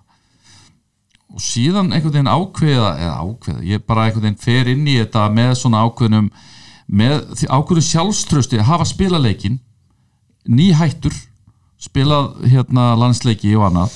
Þannig að og einn ein mark, hérna, mesti marka hrókur Íslands. Já, já, já, ég meina ég hérna fer allavega inn í þetta þannig að herru, ég hef ákveðið fóskot allavega sko, ég hef ákveðið fóskot að hafa spilaleikin það er ekki þar með sagt að ég verði eitthvað betri en aðrir. Það, það er, en það ætti að hjálpa mér. Síðan verður þetta aðrir að ákveða það hvort að það hafi verið eða ekki. En og síðan svona ákveði, ákveði að, að vera bara með minn stíl. Uh, hvort sem að mönnum líka það betur eða ekki. Og þetta var svona bæði fekk maður jákvæða ströyma og neikvæða og svona en, en ég held samt sem maður að maður, maður reynir að vera bara maður sjálfur og það sem býr í manni og það sem ástriðan svona uh, hefur fleitt manni langt að, að hérna þá held ég að, að ég hafi náð svona að marka ákveðin spór varandi að koma með eitthvað einhverja svona aðra rödd Varstu með einhverja fyrirmyndir í þessu erlendir frá eða eitthvað, hvernig lýsendur eða sko það, það er auðvitað bara veist, ég hlustaði mikið á BBC sem sagt að, hérna, á enska boltan sem sagt uh, lýsingar þaðan. En svo auðvitað, svo auðvitað bara Bjarni Fel og menna, Bjarni var náttúrulega bara hérna algjör nestor hérna mörg mörg ár og, og, og skilur Hemmi Gunn. Hemmi Gunn var, var auðvitað líka hérna og kynntist auðvitað Hemma vel og kynntist hérna Bjarnar svo sem líka en, en hérna það, það er náttúrulega og það er bara heiður að fá að, fá að hérna, geta, geta verið með, með hérna slíka menn svona í farteskinu. En, en þú verður náttúrulega að skapa þinn eigin stíl og, og hérna ég held ég hafi, hafi náð að gera það allan að meðan ég var, var hérna á, á stöð 2 Það Hvernig, er, er ekki, þú veist, eins og Bjarni Fer hann lísti bara leikir svona löngu búnir sko. það var, það var kannski hérna í gamla daga sko, en, en, en svo, auðvitað, svo auðvitað var hann hérna eða þá tilfinninguna þeir skori í næstu svo það, það, það var svona í árdaga sko, ég, hérna, en, en, en svo já, já, Bjarn geggjaður. Já, og svo, svo hérna þannig að svo Ómar Ragnarsson, ég man eftir honum þegar hann var að lýsa, hann var ótrúlega svona hress. Já, ok og Ómar er hann Bjarni teku við að Ómari sko, ef ég man þetta rétt. Fór Ómar þá bara alfari í bóksið Ómar fór bara Það nú. Ómar fór bara í fréttamennskuna. Hann, ég held að sko ég held hvort að Ómar, það var einhver sem byður Bjarni um að, að taka enska boltana eitt þáttur sem kemur á viku eitt leikur eða eitthvað. Mhm. viku gammal leikur. Pæli hvað þetta er Var búið ekki- að breytast það Það er ekki líka grínast? ítalski boltinn uh, þarna, þú veist, kringum svona milli 90 og 2000 var það ekki ítalski boltinn? Svona s- stærri en enski boltinn í Íslandi það- Ítalski boltin verður hérna með, með tölgum og stöða 2 hérna í kringum 1990 kringum HM í Ítalíu. Nokkur ár þar á undan og nokkur ár eftir þá er ítalski boltin alveg gríðalega vinsall og var í raun og veru flottasta deildin langt flottasta deildin þar sem hún varst með bestu, já, bestu leikmennina hérna, AC Milan liðið, Roberto Baggio. og, já, þetta voru, voru svona en síðan kom, síðan kom þegar úrvarsleitinni stofnuð enska að hérna þá náðu þeir að, að ná vopnum sínum en, en enski boltin alltaf verið rosalega vinsall á Íslandi. Allt frá því bara frá því að sögur hófust sko. Já, ein, ég- ein spurning sem fengum hérna frá, frá, hérna, frá hlustendum.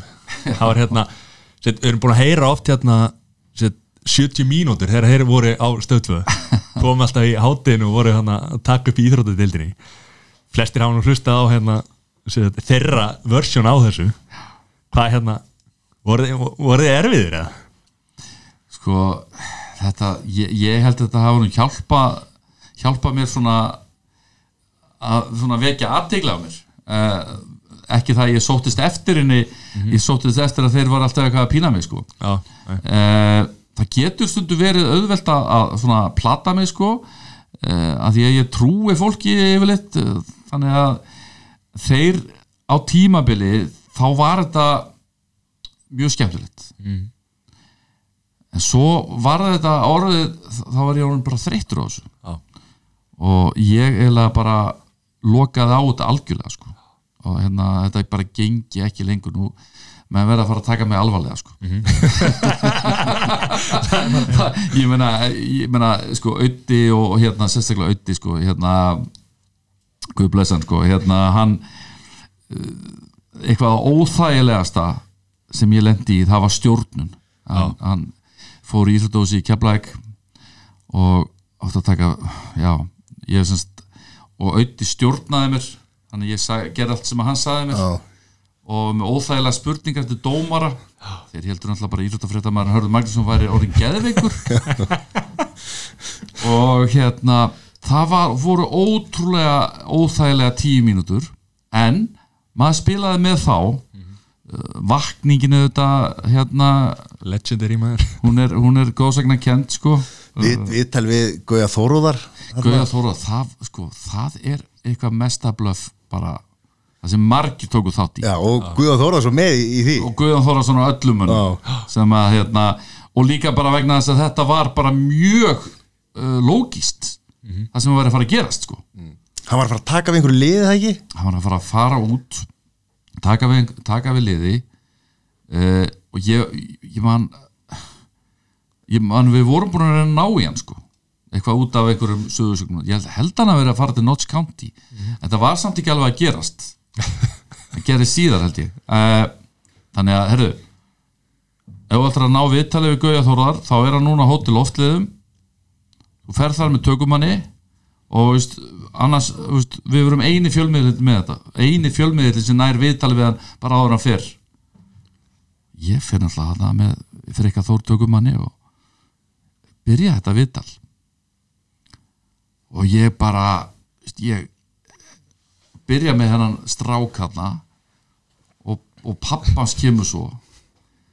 Og ég náttúrulega bara ég meina ég held að þetta væri bara eitthvað raunverulegt sko. Já, og sérstaklega sko, Gauji sé að taka þátt í þessu að þegar Gauji hefur ekki verið kannski þekktu fyrir að vera miklu sprelli sko. Hann, er, hann er margt annað heldur en sprellari sko. þannig að hérna hafa ná, ná honum það segir bara hva- hvað auðvitað blöð, blöð mikil snillingur sko, að hérna, að gera þetta sko, og, og ég leist bara ekkit á þetta á tímabili. Ég held að, að sko að, að pappi stráksins ímyndaði pappin hana, hann ætlaði bara að fara í okkur sko. En það verður að segjast alveg eins og er að ég er mjög þakkláttu fyrir það uh, fyrir, fyrir því að, að ég held haus allan tíma ég var vissulega orðin pyrraðar á hann Já, og, líka sko, það? Ég, ég tók, hérna, tók húfun á honum hann en er Já, en svona haus. eft, eftir á hérna, kannski að hyggja þá svona hringdu örglega bjöllu. Gauji Þórðar, hann er bara rólegur yfir þessu. Maður er kannski að hann já, ef, ef hann hefði ekki vitað þetta og þetta er umverulega gest að hann hefði nú hjólað eitthvað upp Kallinn. Já, já. Uh, mögulega. en þetta, var, þetta voru bara þannig aðstæður Já. að það, mér flög ekki í hug að þetta væri uh, allt í plati sko. en mér datt það ekki í hug. Ég, hérna, ég hef, hafði ekki það mikið ímyndur að plana að ég var bara að fara að drífa mig að taka viðtal við Gauða Þórðar sko, eh, einn eh, helsta segursælasta þjálfara landsins exklusív viðtal sem að við síðan fengum aldrei að klára sko. og ég var að þóra djöfusins, er með hennan strák hana sko. Ég langar mig að, maður sparki hann já, ég bara, þetta byrjaði svona rólega ok, eitt skipti tvö skipti kannski, en svo var þetta náttúrulega bara orðið hérna vandræðilegt sko. og hérna ég verð að segja alveg eins og er að ég er eh, stoltur af sjálfum mér að hafa ekki tapað andlitinu. En þú, hérna náttúrulega hefur verið einn okkar, okkar hérna, besti lýsandi gennum tíðina og með mikla tilfinningar í þessu. Það fá að spila hérna eina, eina klippu og þá er það Pól Maxín og hvað ætlar hann að gera, hann er enn með boltan sendi boltan út á Hjálmar, hann er komin í dauðafari og hann er að skora Hjálmar er að skora Hjálmar er að skora hann er að koma fram yfir móti Keflavík þetta er ævintýralegt þetta er ævintýralegt þetta er ævintýralegt framaraldir eru komin yfir Magnús Hvernig, hérna? Þetta var lengi hvað, Já, þetta er hvað, 2008 og hérna e, var, þetta var loka leikur sem sagt um og verður FH ekki Íslandsmeistari bara? F.A. voru mestari Já. Uh, með sigri í ö- öðrum leik en hvernig er að svona ferlið að ymmit þetta að vera svona inn í leiknum? Þú náttúrulega þekki leikin eftir að, að spila lengi hvernig er bara eitthvað sem tekur svona yfir, hvernig, hvernig lýsir maður góðan leik? Ve- vegna, vegna þess að ég, ég, sko, ég, ég hef alltaf haft það trú að ég hef, hef ekki æst mig til að æsa mig. Mér finnst þú þurfa að að mómentið, augnablikið þurfa að koma sjálft til þín mm. ekki láta það gerast. Heldur það bara gerist.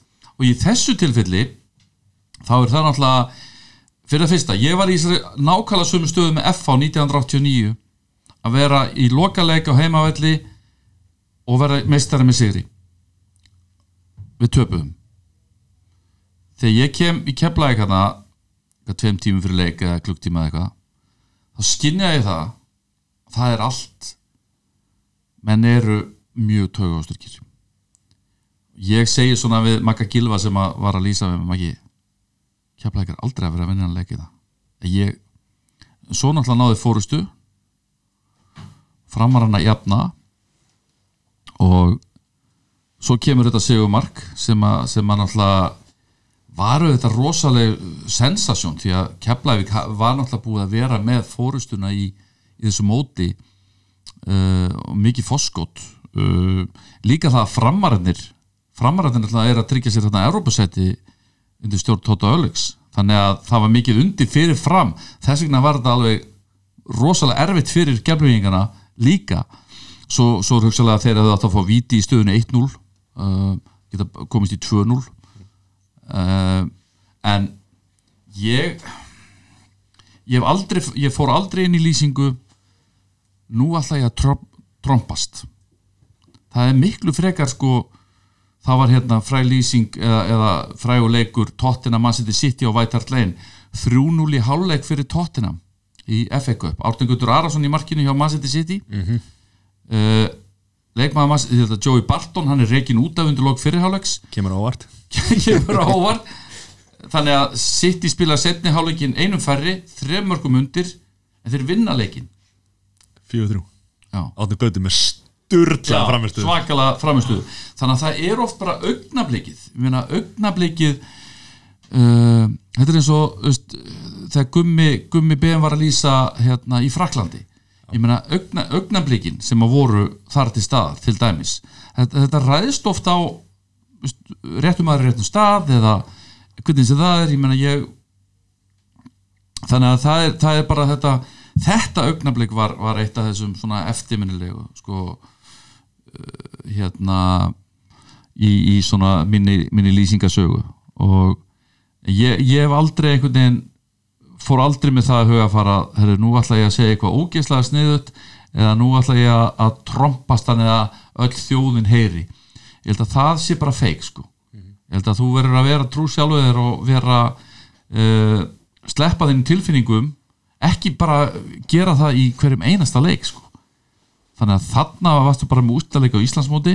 Þarna var moment sem að, sem að var einhvern veginn bara þannig að þú varst ekki endilega mikið að hugsa þannig að þú þarf náttúrulega að vera í momentinu og þú þarf að vera skiluru að, að hérna reyna að fanga þetta augnablik sem kemur. Þau kom ekki, mörg sko. Það var einmitt hérna, spurning frá hlustenda sem kom hann hann, hann sagði fyrst, ég sakna einn hashtag passion sko, bara hérna og þessi hérna bara viðskilin við stöðu sport sko, það var mjög svona, leðilegt og hérna hvernig svona upplifið þú það bara þetta er ömuleg spurning. En ok, þetta er ekki frá hlustenda en hérna, viðskilnaður? Já, bara svona Já, ég svo sem hef ekkit Já, viðskiljan er alltaf bara hann tók þrjár mínútur eftir tæp 20 ár. Ég er ekki rétti maður til að svara því sko. Ég, ég get alveg svara því. Já. hef skoðanir á því. En, en hérna, mér þykir alveg ótrúlega vænt um mjög marga á, á upp á, upp á hérna, stöð 2 og vinnufélagar sem hafa verið með mér í í mörg mörg ár aðri skemur en ekkert síður. Og það, það er auðvitað kannski söknuðurinn af skilur við vináttu og skilur á milli vinnufélag og vina og veist, allt þetta og þar á milli og hérna margt gest og hérna eh, bara ef að, ef að eins, og, eins, og ég, eins og ég sagði í raun og veru við þá, þann sem að uh, fekk það hlutverk að, að hérna, komi starfslökusamning fyrir mig á dauða mínum átt ég freka, von á. Þannig að menn geta kannski lagt saman 2 og 2 og fengið út að, að þetta hafi ekki verið auðvelt fyrir mig. Já, klálega. En eins og þarna, það, er söknuður og menn er að tala um bara Ég- þessi ástriða mér, finnst hérna. rosalega gott að heyra það sko. Ég, hérna, ég held ég eftir að sakna, sakna, sakna mikils að, hérna, sérstaklega þegar hérna, Íslamóti byrjar í, í sumar sko, eða í vor. Að hérna, vera ekki með í eða fyrsta skipti bara síðan ég hætti já, fyrsta skipti bara síðan hvernig spilaði ég? Já 1985 spilaði ég með fyrsta leiki efstöld. Já. Ég man eftir því, þá fættist ég.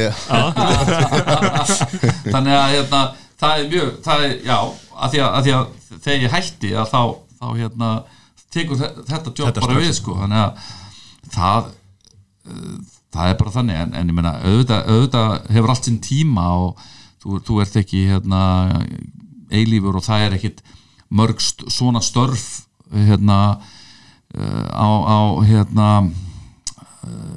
á, á mikið frambóð af, af svona störfum.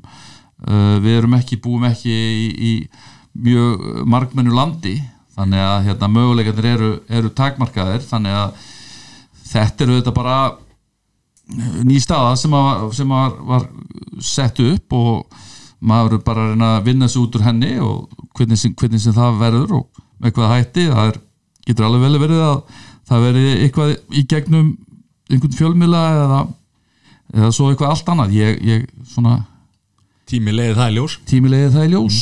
En hvað er hérna uh, gaggrinni og svona, nú hef ég sko, nú bara kem ég alveg hreint út hérna. Þú hefur nú líst nokkrum mannstur nættilegjum og, og ég hef nú ekki Ætlarðu að fara í þetta? ég verð að gera það sko.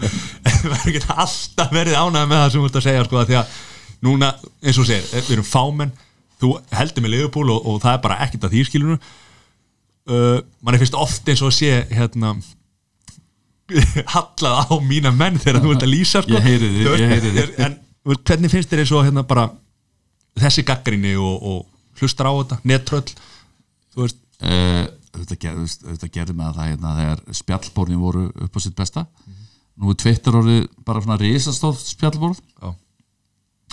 hérna eitt mesta hrós sem ég hef fengið einhvern tímann á æfinni þá var ég einhvern tímann stættur í, í hérna uh, lögatsköldi Reykjavík. Lappar upp að mér maður og spyr mig Ertu United maður? nei. Já. Ok. Jú, það verður að vera fullur. Já, Þú hefur nú hann, hann, var, hann, var, hann var ekki hann var bláættur sko. Þú slóst það náttúrulega bara. Ég sló hann ekkert sko. Ég, hérna, nei nei ég, hann hérna má- málið máli er bara það á tíðanbilið þá lísti ég engum leifupleikim ég lísti rosalega mikið með United.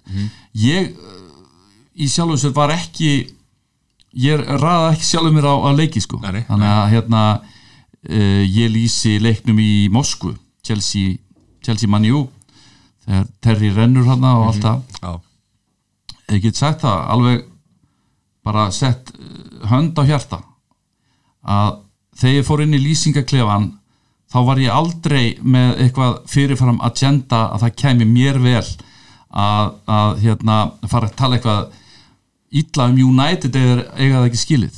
Eða hrósaði minna heldur en eiga það skilið. Og ég, ég held bara að ég hef verið oft ótrúlega hérna ótrúlega uh, sangjarn í Garð United hérna, en auðvitað get ég ekki auðvitað ræði ég ekki upplifun þinni Nei. eða þinna félaga sem að veist, ég skil alveg ástriðinu, ég skil hitan og skil þetta og skil hitt sko. En aldrei nokkuð tíman var það vísvitandi ég held að freka bitnað á, á Liverpool heldur en hitt sko. En, en, en það er bara hver og einn að veist, ég ég hef svolítið komið bara svolítið úr skápnum núna með, með Liverpool sko. Veist, ég er reynda bara á Facebook og, og hérna minn skaman að pæli því að ég hætti á Twitter hérna áður hætti, hætti á Twitter í september tveim mánuðum áður en að ég hætti hjá stöð 2 mér fannst vera komin tími ég var með ans, ég var mörg þúsund fylgjendur og, og hérna en þetta var svolítið svona bein lína á mig sko. Uh, bæði ég s- einstaka sinnum skiluru sá eftir, eftir hlutum sem ég hafði sagt á Twitter uh, og af því að þetta er að mörgulega skemmtilegur hressandi vettvangur ég held stundum að, að til, til þess að framkalla þinn personuleika að það sé ekkit endilega besta á, á Twitter eða, eða hérna svona á samfélagsmiðlunum. Að ég held, að, ég held að menn fá oft ranga myndaðir uh, hlutir sem að ég hef kannski sett fram sem ég séð síðan eftir stundum hef ég tekið út. En það er rosalega erfitt að draga þá tilbaka vegna þess að núna eru netmiðlar eins og já bara netmiðlar eh, eins og djefa til dæmis mjög fljótir að peka upp hluti. Þannig að þú þarf að vera ansi örugur og viss á því að hérna þú sért að gera rétt og maður er ekki fullkominn þannig að þannig að það er alveg það er alveg hlutir sem að, sem að hérna, hefði betur ekki farið. En þegar ert kannski svona þekktara einstaklingur og ég verður auðvitað að gera mig grein fyrir því að þá verður maður að passa sig miklu meira og maður getur ekki kent öðrum um og veist, það sem hún segir og setur fram að þú getur síðan ekki hverta yfir að djefaf sé að gera þetta djefaf sé að gera hitt. Þannig að þú eru sjálfur svolítið bara að, sitja uppi með, með hérna glæpin sko.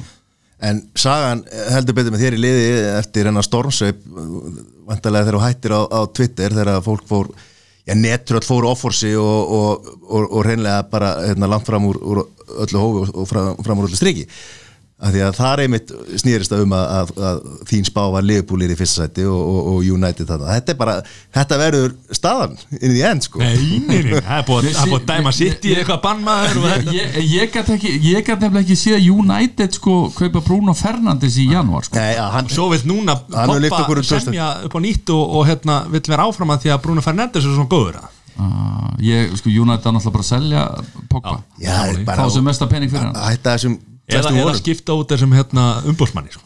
já, það hann, hann, hann er eitraður sko.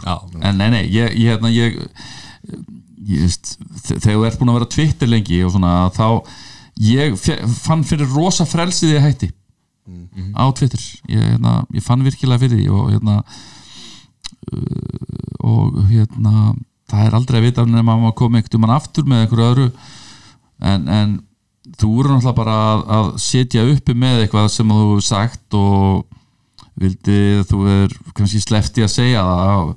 Það er kannski bara hluti af hver ég er sko. Uh, og hvernig hvernig, uh, hvernig hérna en menn dæma rosalega hart ef að þér verður kannski gerir einhver mistök að segja eitthvað sko sem það aldrei ekki að segja ég hef alltaf verið svolítið svona hreinn og betn og, og það hefur bæði hjálpað og það er líka skadað mm. það hefur bara hafa það He, heimurinn er bara orðin þannig í dag með þessu samfélagsmiðlum að það er bara, þú þarft ekki eins og að segja eitthvað rámt sko, til þess að, að það fer eitthvað stað og eitthvað, en hvað hérna, nú er ítalska, ítalska deild þessi veiramar hún er að hérna, heldur betur að hvað heldur að gerist með þessa deild ég held sé bara orðið svolítið ískikilegt sko. Já. Ég, það verður, verður tómlegt í uh, Liverpool-borg þegar það er hérna, keira á, einir á rútunni og það má enginn safna saman það er að tala um það, það getur fyrir bara já, að fólk með ekki safna, safna saman Já. þeir geima það þá ég ætla bara að vona að þeir, þeir ná að klára deildina sko. Já. heldur, er konur efasendir nei, Nei, Nei, já, já, bara Já. klára dildina sjálf já, Já, já. En hvað heldur að gerist ef það eru flauta af? Það, það væri ríkalegt sko, Gott fyrir okkar United menn, en það væri ríkalegt sko ég, ég meina ég veit ekki hvernig þetta endar, ég meina ég myndi halda það að EM 2020 var í hættu. Mm að því að EM 2020 er út um alla Evrópu. Eins og staðan er núna þá er það ekki fara að gerast. Uh, þannig að ég myndi halda það að UEFA gæti hugsalega frestað EM, EM 2020 um eitt ár. Og ge- sem ge- gæti gert það að verkum að, að þjóðurna gætu gætu þessu stóru deildir gætu klárað sína deildir uh, þá Sumar í sumar uh, ef að kemur eitthvað stopp núna sko þannig að Þetta hefur svo áhrif á þú, Þetta hefur áhrif á Já, Fyrstu Ólympí- deildina, Ól- aðra, aðra deildina, Já, þriðu deildina Þetta, þú- þetta olimpíuleikarnir í uppnámi Já.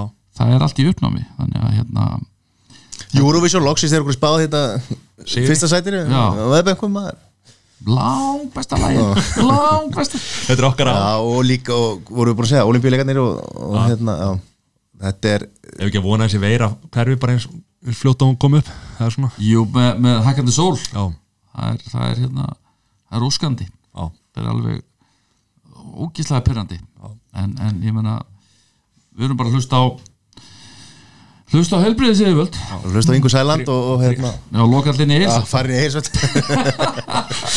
þrífa hendurnar og, og, og sótrinsa. Hérna var. Já, ég, er búin að vera að tala um þetta í mörg ár. Já, ég vildi fá þetta. Já, ég vil ekki fá þetta endilega eins og það hefur verið yfkað á Englandi. Næ Þetta virka annars það betur eða ekki? Miklu betur. Uh, ég meina Mike Riley sem var hérna dómar í með það fyrir, hann ákvað það að sagt, það er því loka ákvörun um var er því höndum manna uh, mörgundur kilómetrum í burtu. Þannig að dómarinn ætti ekki í raun og veru loka ákvöruna, þá átti að breyta eðli dómgæslu. Já, og þetta er bara uh, þetta býður bara upp á svo mikið rugl þannig að ég var á tíðanbili farin að sko, hörru, hættum þessu bara en svo sér maður meistaradildin og annað nota þetta miklu vitsamleri hátt vitsmunulegri hátt heldur en ennska úrstildin og hérna þeir hljóta bara að, að reka hana. Mike Riley og fá hérna hætta þessum armkrika rángstöðum og, og, og litla táin rétt fyrir innan og þetta. Menn menn eru hættir að fagna mörgum og það er bara, það að er, það, það, það er bara ekki fótbolti sko. og þá er erfitt að að vera passion lýsandi þegar hérna, það kemur mark og svo er þetta hérna, býða í, í, er í hrikalegt. mínútu. Þetta, já, þetta tekur um, sko, marklínutæknin hún, hugsaðlega, hún virkaði. getum við ekki verið sammála um það? Algjörlega, hún er, hún er 100% og raun rángsta, rángstaðan á að vera svipað. En þegar þú farin að dæma litlu tá fyrir innan. Og sem ég heyriði líka hérna í, í tæknivarpinu sem er hérna á kjarnanum að þeir voru að tala um að myndavélina rammar á sekundu þegar eru tveir menn að hlaupa hugsaðlega sikkur áttina að þá þá er þeir ekki að mæla þetta rétt hún Akkurat. tekur bara einhverja 60, þyrft að taka 300 ramma eða eitthvað, eitthvað slíkt á sekundu til þess að geta verið viss Já. bara því að það breytist svo mikið á stuttum tíma sko. Einmitt. ég man einhvern tímann að þeir gaf út skýslu þarna dóma uh, ennska knæspöldum sambandið um réttmæti rángstöðu dóma og þá var réttmæti eða sagt rétti dómar hjá þeim eitthvað 98% og 2% rángir það er rosalega hátt hlutfall af, af góðum ákvörunum í real time, í rauntíma. Já.